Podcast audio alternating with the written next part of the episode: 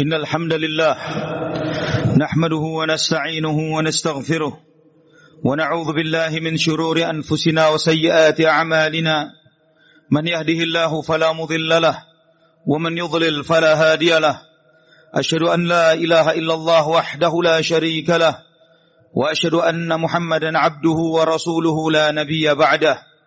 اللهم صل وسلم وبارك على عبدك ونبيك محمد وعلى آله وصحبه ومن اهتدى بهديه إلى يوم القيامة.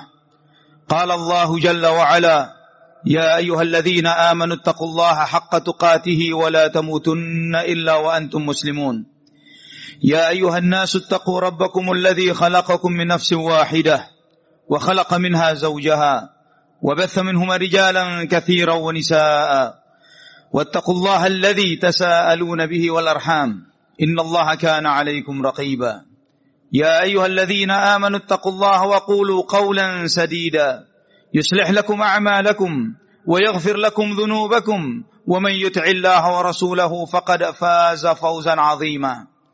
أما بعد فإن أصدق الحديث كتاب الله وخير الهدى هدى النبي صلى الله عليه وعلى آله وصحبه وسلم وشر الأمور محدثاتها وكل محدثة بدعة وكل بدعة ضلالة وكل ضلالة في النار. Ma'asyiral muslimin rahimani wa rahimakumullah. Alhamdulillah.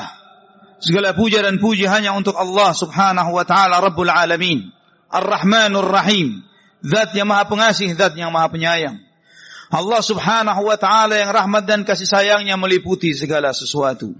Allah Subhanahu wa taala yang rahmat dan kasih sayangnya mendahului azab dan murkanya. Maka walaupun dalam kondisi yang pandemi yang seperti ini, Allah Subhanahu wa taala masih memberikan nikmat-nikmat yang sangat besar bagi kita. Nikmat Islam, nikmat iman, nikmat usia dan waktu yang Allah Subhanahu wa taala izinkan bagi kita untuk beribadah, beramal saleh, untuk merencanakan hal-hal baik dan mengejar hal-hal baik itu di dalam kehidupan kita. Dan ikhwatal iman, seorang mukmin adalah seorang hamba Allah yang selama mereka diberi kesempatan hidup oleh Allah Subhanahu wa taala mereka tidak pernah putus dari harapan dari Allah Subhanahu wa taala. Tetap memiliki harapan yang sangat besar. Tetap memiliki harapan untuk meraih hal-hal baik terbesar apa yang bisa dilakukan selama dia masih hidup. Bukannya semakin diperketatnya PSBB yang bakal terjadi pada hari Senin besok misalnya. Membuat kita memiliki semangat yang semakin kendur. Bukan semakin banyaknya korban yang berjatuhan karena wabah ini. Bahkan sebaliknya, banyaknya yang ter, yang terkena wabah ini. Banyaknya yang menjadi korban dan meninggal dunia membuat kita semakin murajaah mengingat kepada diri kita. Jika hari ini saya terkena, jika hari ini saya dipanggil oleh Allah taala, apa yang saya bawa? Apa yang saya bawa? Ikhwatal iman. Maka keinginan yang kuat, semangat yang tinggi untuk berbuat hal yang terbaik bagi diri kita kelak di akhirat tidak boleh didiskon walaupun dalam kondisi apa pun. Karena seorang yang beriman mereka selalu memiliki semangat yang tinggi untuk meraih hal-hal yang termulia untuk menjadi manusia yang penuh memberikan manfaat bagi manusia yang lainnya di kehidupan dunia ini. Sebagaimana seorang penyair banyak menyebutkan, la as-sa'ba aw udrikal muna, faman qadatil amalu illa lisabiri. Aku akan menempuh jalan-jalan yang terjal untuk meraih segala angan-angan dan cita-citaku. Dan tidak akan tunduk segala angan-angan, harapan dan cita-cita kecuali oleh orang yang sabar. Dan sifat ini, sifat yang tidak pernah putus asa, sifat yang selalu mengejar hal-hal yang terbaik dan termulia di kehidupan dunia ini adalah sifat orang-orang yang paling sempurna. Allah Subhanahu wa taala berfirman kepada Nabi kita Muhammad sallallahu alaihi wasallam, "Fasbir, fasbir kama sabara ulul azmi minar rusul." Bersabarlah Bersabarlah engkau wahai Muhammad sebagaimana bersabarnya ulul azm, orang-orang yang memiliki ketangguhan dan kekuatan di dalam mengejar apa yang mereka harapkan untuk menjadi manusia yang termulia di sisi Allah Subhanahu wa taala di antara para nabi dan para rasul. Al-Mutanabbi di dalam salah satu syairnya beliau menyebutkan ala qadri ahli al-azmi ta'ti al-azaimu wa ta'ti ala qadri al-kiramil makarimu wa ya'dhumu fi 'aini as-saghiri sigharuha wa yazhuru fi ainil azimil azaimu. Beliau mengatakan sesuai dengan kadar ke kekuatan semangat yang ada dalam hati seseorang, maka segala hal-hal besar itu akan datang. Sesuai dengan mulianya seseorang, kemuliaan itu pun akan diraih. Bagi orang-orang yang kecil dan rendah, hal-hal yang remeh pun akan menjadi besar baginya. Namun bagi orang-orang yang besar, hal-hal yang kecil hal-hal yang besar itu adalah kecil bagi mereka. Ikhwatal iman rahimani wa rahimakumullah. Orang-orang yang memiliki semangat yang tinggi dalam menjalani kehidupan dunia tidak akan tunduk hanya karena adanya cobaan-cobaan dan ujian-ujian. Bukan menghalangi mereka segala apa pun yang terjadi untuk mendiskon keinginan mereka, meraih apa yang mereka cari. Untuk menjadi manusia yang lebih mulia di sisi Allah subhanahu wa ta'ala. Dan mustahil orang yang tidak memiliki semangat kemudian dia akan mendapatkan hal-hal yang mereka inginkan. Wa man rama al-ula min ghairi kaddin adha'a al-umra fi talab al-muhali. Tarumu al-'izza thumma tanamu laylan yaghusu al-bahra man talaba al-laali. Engkau menginginkan kemuliaan tanpa jerih payah sama seperti menghabiskan usia untuk mencari hal-hal yang sia-sia. Mengharapkan kemuliaan namun ber, berlama-lama dalam tidur Sedangkan orang yang ingin mencari mutiara dia harus mengarungi lautan. Ikhwatal iman. Betapa banyak Allah subhanahu wa ta'ala memuji orang-orang yang memiliki semangat yang tinggi di dalam mengharapkan hal yang terbaik yang bisa mereka sumbangkan untuk hidup mereka nanti di akhir di sisi Allah Subhanahu wa taala. Allah mengingatkan kepada Nabi kita Muhammad sallallahu alaihi wasallam, "Wadhkur wadhkur ibadana Ibrahim wa Ishaq wa Yaqub ulul aidi wal absar. Ingatlah hamba-hamba kami Ibrahim, Ishaq, Yaqub ulul aidi wal absar. Yang mereka memiliki semangat-semangat yang tinggi dan memiliki ilmu yang sangat mendalam. Allah Subhanahu wa taala berfirman kepada Nabiullah Yahya alaihi salam, "Ya Yahya, khudhil kitaba biquwwah." Wahai Yahya, peganglah kitab suci yang aku berikan kepadamu ini dengan sungguh-sungguh. Bukan dengan santai. Bukan dengan harbul maras-malasan. Biquwah. Demikian pula Allah memerintahkan kepada Nabi Allah Musa alaihissalam terkait tentang kitab Taurat yang Allah berikan kepadanya. Fakhudha biquwah wa'mur qaumaka ya'khudhu bi ahsaniha. Pegang teguhlah dengan sungguh-sungguh yang aku wahyukan kepadamu ini wahai Musa dan ajaklah kaummu untuk mengambil yang terbaik dari apa yang aku wahyukan dan kepada kita semuanya Allah perintahkan dalam surat Al-A'raf ayat 171. Khudhu ma ataikum ma biquwwah. Ambillah dari apa yang telah kami berikan kepadamu dengan penuh kesungguhan. Ikhwatal iman. Allah Subhanahu wa taala menyebutkan di dalam Al-Qur'anul Karim kisah tentang Nabi Allah Adam alaihissalam. Allah tempatkan beliau di tempat yang paling indah di surga. Allah izinkan menikmati segala hal yang indah yang ada di surga itu. Pohonannya, buah-buahannya, apa pun pemandangan yang ada. Hanya satu yang tidak diizinkan. Kemudian setan datang berbisik, berbisik, berbisik, menggoda, menggoda sampai melemahlah kesungguhan tekad yang ada dalam hati Nabi Allah Adam sehingga ikutlah beliau terhadap bisikan bisikan setan tersebut. Dan akhirnya Allah Subhanahu wa taala mengganti nikmat surga yang sedemikian rupa dengan dunia yang penuh dengan penderitaan dan kesedihan. Allah Subhanahu wa taala berfirman, "Walaqad ahidna ila Adam min qablu fanasiya wa lam lam najid lahu azma." Dan sungguh kami telah mengambil komitmen kepada Nabi Adam sebelum ini dan dia lupa dan dia tidak bersungguh-sungguh dengan hal itu. Nabi kita Muhammad bin Abdullah sallallahu alaihi wasallam adalah di antara contoh manusia yang tidak pernah mau putus asa dan surut walaupun apa pun yang beliau hadapi dalam ujian-ujian di dalam menghadapi ujian hidup ini. Ujian hidup, ujian dakwah dihadapi oleh Nabi kita sallallahu alaihi wasallam bertubi-tubi sejak beliau masih kecil. Terlahir yatim, besar sedikit ibunya meninggal dunia, besar sedikit kakeknya meninggal dunia, buta huruf sampai mati. Ketika beliau memiliki anak, sebagian besar anaknya meninggal dunia. Beliau sallallahu alaihi wasallam yang memakamkannya hanya satu Fatimah yang wafat sebelum beliau setelah beliau. Lainnya Nabi sallallahu alaihi wasallam yang memakamkan seluruh putra-putri Nabi sallallahu alaihi wasallam. Ini ujian hidup, bukan ujian dakwah. Ujian dakwah sedemikian hebatnya beliau hadapi. Dan ikhwatal iman, ketika orang-orang Quraisy, ketika Nabi masih di Mekah dalam kondisi lemahnya, Orang-orang Quraisy merasa sangat tersakiti dengan dakwah Nabi Shallallahu Alaihi Wasallam, terganggu dengan apa yang dilaku, yang didakwahkan oleh Nabi dengan la ilaha illallahnya, mengajak manusia untuk beribadah hanya kepada Allah Subhanahu Wa Taala saja. Mereka mendatangi Abu Talib. Mereka mengatakan, ya Abu Talib, Muhammad telah menyakiti kami, mengganggu kami di masjid kami, di tempat kumpul kami. Berhentikan dia, cegah dia dari apa yang dia lakukan. Maka Abu Talib memanggil salah seorang putranya bernama Aqil. Panggil Muhammad. Ketika Nabi SAW dipanggil. Kemudian disampaikan, wahai, wahai keponakanku. Sesungguhnya keluargamu dari Quraisy mereka merasa terganggu dengan apa yang kamu dakwahkan. Di masjid mereka, di tempat kumpul mereka. Berhentilah dari apa yang kamu lakukan. Nabi Shallallahu Alaihi Wasallam terdiam, melihat ke langit. Kemudian beliau berkata, ma ana bi aqdar ala an arudda dzalika min, minkum ala an tush'ilu minha syu'lah. Dengan bahasa yang lebih sederhana saya terjemahkan bahwa tidak lebih mudah menghentikan semangatku untuk berdakwah ketimbang kalian bisa menyalakan satu kali lagi matahari di atas langit.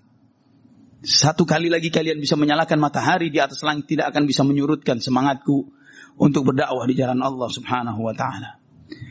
Juga dalam Sahih Bukhari dan Musnad Imam Ahmad ketika Nabi Shallallahu Alaihi Wasallam dalam perjanjian Hudaybiyah, Nabi Shallallahu Alaihi Wasallam bersabda, Ya waiha Quraisy, laqad akalat humul har. Kasihan Quraisy ini. Mereka habis umur, habis nyawa mereka di dalam peperangan-peperangan dengan kita. Mada alaihim lau khallu baini wa baina sairin nas. Kenapa mereka tidak biarkan saja saya berdakwah kepada orang lain? Saya biarkan Quraisy, orang lain biar saya dakwahi. Jangan ganggu dakwahku kata Nabi. Fa in asabuni kana alladhi aradu. Andai kata saya berhadapan dengan orang-orang di luar Quraisy, bukankah orang Quraisy berharap berharap yang seperti itu? Agar aku dibunuh oleh orang-orang di luar Quraisy, oleh orang-orang oleh manusia. Wa in adharani Allahu alaihim dakhalu fil islami wa hum wafirun. Dan atau mereka Allah berikan hidayah kepada mereka jadi muslim yang banyak beribadah kepada Allah Subhanahu wa taala. Wa illam yaf'alu qatalu wa bihim quwwah. Andai kata pun kaum-kaum di luar Quraisy ini tidak mau beriman kepadaku, orang Quraisy malah tambah kuat dengan banyaknya teman-teman yang yang semisal dengan mereka. Fama tadhunnu Quraisy? Wallahi inni la azalu ujahid ala alladhi ba'athani Allah lahu hatta yudhhirahu Allah au tanfarida hadhihi salifah. Kata Nabi Sallallahu Alaihi Wasallam, apa yang dikira oleh orang Quraisy tentang diriku? Demi Allah, aku akan senantiasa berjihad melawan mereka. Sampai Allah subhanahu wa ta'ala memenangkan agama ini. Atau leher ini terpisah dari tubuhnya. Ini Nabi kita Muhammad sallallahu alaihi wasallam. Ikhwatal iman rahimani wa rahimakumullah. Yang menjadikan hidupnya hidup yang penuh misi dan tidak pernah putus asa. Walaupun apa pun penghalangnya. Apakah itu takdir yang memang harus kita jalani ataupun penghalang yang kita hadapi di kehidupan dunia? Semoga kita termasuk di antara umat Muhammad sallallahu alaihi wasallam yang seperti ini. Aku qauli hadza fastaghfirullah li wa lakum fastaghfiruh innahu huwal ghafurur rahim. Salli wa sallim wa barik ala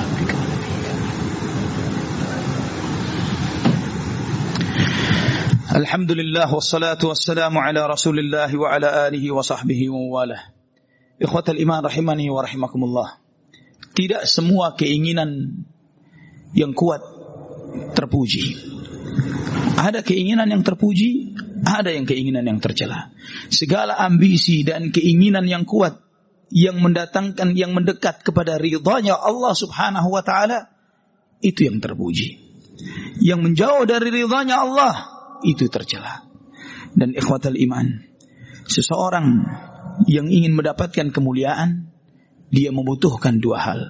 Sabar, takwa. Sabar dan takwa. Wa in tasbiru wa tattaqu fa inna dzalika min azmil umur. Jika kalian bersabar, jika kalian bertakwa, maka itu adalah salah satu bentuk kesungguhan seseorang di dalam melakukan kebaikan-kebaikan. Takwa membutuhkan ilmu. Semakin seorang itu berilmu, semakin kuat basirahnya, semakin kuat mata hatinya, semakin kuat takwanya. Fadhkur ibadana Ibrahim wa Ishaq wa Yaqub ulil aidi wal absar. Ingatlah hamba-hamba kami, Ibrahim, Ishak, Yakub, mereka yang memiliki kesungguhan yang kuat dan absar, jamak dari basirah, jamak dari ilmu yang Allah Subhanahu wa taala anugerahkan kepada mereka. Dan seorang yang memiliki kesungguhan yang kuat, hendaklah mereka bersyukur kepada Allah Subhanahu wa taala karena itu bukan dari dirinya saja, tapi adalah dari anugerah yang Allah Subhanahu wa taala anugerahkan kepada mereka. Karena itu seorang yang memiliki kesungguhan yang kuat di samping dia di samping dia tetap, tetap berikhtiar dia tidak akan lupa untuk selalu tawakal kepada Allah Subhanahu wa taala. Fa azamta fatawakkal 'ala Allah. Innallaha yuhibbul mutawakkilin. Jika kamu telah bersungguh-sungguh dengan niat untuk meraih sesuatu, tawakal kepada Allah Subhanahu wa taala. Karena Allah Subhanahu wa taala mencintai orang-orang yang suka bertawakal. Ikhwatal iman rahimani wa rahimakumullah. Dan jangan sampai pernah surut. Jangan pernah kendur. Karena ajal tidak akan tertunda karena kita menunda. Ketetapan Allah pasti berlaku. Apakah kita mati di 2021 di bulan Januari atau masih diberi kesempatan untuk tahun depan? Kita tidak pernah tahu. Namun sayang jika Allah Subhanahu wa taala tidak pernah memberikan batasan bagi kita untuk beramal terbaik untuk kehidupan kita nanti di akhirat, namun kita yang bermalas-malasan dan tidak memberikan kesempatan terbaik untuk diri kita sendiri. Ikhwatal iman rahimani wa rahimakumullah. Nabi kita Muhammad sallallahu alaihi wasallam di dalam perang Uhud ketika Nabi SAW mendengar bahwa Quraisy sudah berangkat dari Mekah untuk menyerbu Madinah. Nabi bermusyawarah dengan para sahabatnya. Sebagian sahabat mengusulkan ya Nabi SAW berinisiatif untuk menunggu mereka di kota Madinah. Kita tunggu di kota Madinah. Kita sambut mereka dalam kota. Nabi SAW berinisiatif seperti itu.